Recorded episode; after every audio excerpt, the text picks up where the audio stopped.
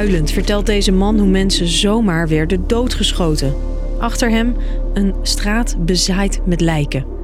Na de schokkende beelden uit de Oekraïnse stad Bucha wil iedereen weten of het hier om Russische oorlogsmisdaden gaat. Dat begint bij het verzamelen van zoveel mogelijk bewijsmateriaal. Ooggetuigenverslagen, beelden, wat zou kunnen bijdragen aan een onderzoek en vervolgens aan een eventuele vervolging. Hoe werkt dat en wie wordt er dan vervolgd? Ik ben Chrisje en ik leg je uit hoe oorlogsmisdaden worden onderzocht. Lang verhaal kort.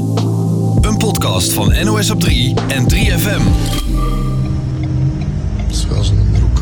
Het Oekraïense leger rijdt weer door de straten in Bucha, een voorstad van Kiev. Het Russische leger is vertrokken. Volgens Oekraïne waren de militairen zo gefrustreerd dat ze tijdens hun aftocht honderden weerloze burgers neerschoten. De beelden zijn gruwelijk massagraven, handen die onder het puin vandaan komen, mensen die van hun fiets zijn geschoten.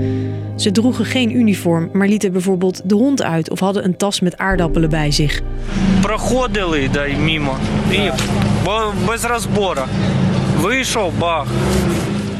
Die mensen liepen daar gewoon en ze schoten, vertelt ook deze inwoner van Bucha.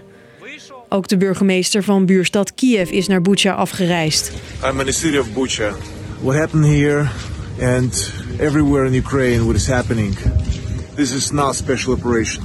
This is not military objects. This is civilians. Hij laat in een video zien hoe bij sommige lichamen de handen op de rug gebonden zijn. They've been shot in the head with the tight hands behind their back. Volgens Oekraïne laat wat hier is gebeurd zien hoe meedogenloos de Russen te werk gaan.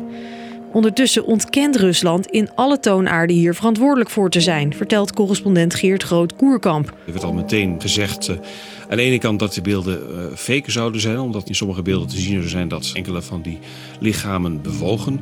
Aan de andere kant wordt gezegd dat Russische militairen daar al dagenlang weg waren en dat bovendien een deel van Bucha onder meer lange tijd onder vuur is genomen door de Oekraïnse militairen. Wereldwijd is de verontwaardiging groot. This will not remain without consequences. Russia will have to pay a price for this. Ce qui vient de se passer à Bucha impose un nouveau train de sanctions. You can't help but uh, see these images as a, uh, a punch to the gut. En ook het woord oorlogsmisdaden valt regelmatig.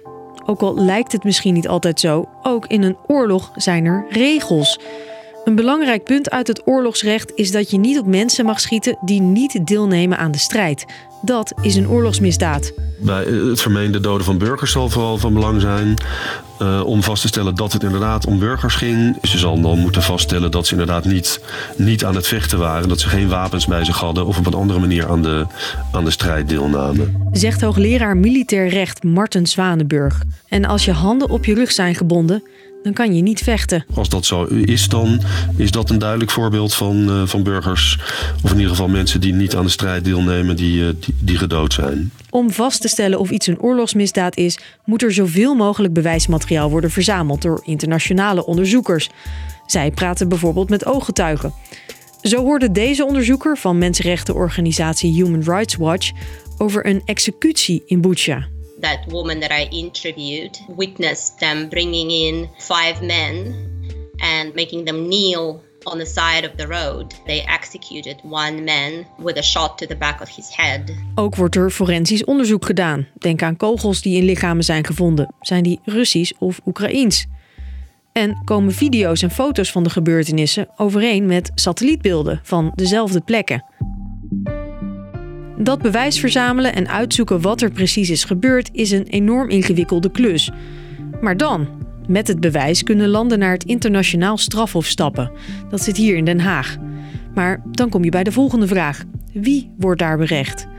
Volgens hoogleraar Marten Zwanenburg kunnen dat militairen zijn die zelf hebben geschoten. Maar uh, ook uh, commandanten uh, en mensen hoger in hiërarchie kunnen, kunnen worden vervolgd. Want ehm, in het strafrecht is het niet alleen zo dat als je zelf schiet, dat je dan een misdrijf hebt gepleegd. Maar dat, het kan ook zo zijn dat je als, als meerdere niet de, de, de verantwoordelijkheid hebt uitgeoefend om te voorkomen dat jouw ondergeschikte misdrijven plegen. Of dat je ze niet hebt vervolgd.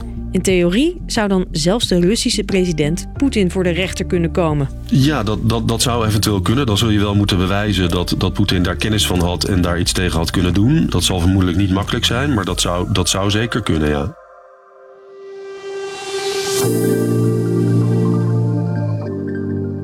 Dus, lang verhaal kort. Beelden van de straten in Bucha, waar tientallen lichamen liggen, naar het lijkt van burgers, hebben de wereld geschokt.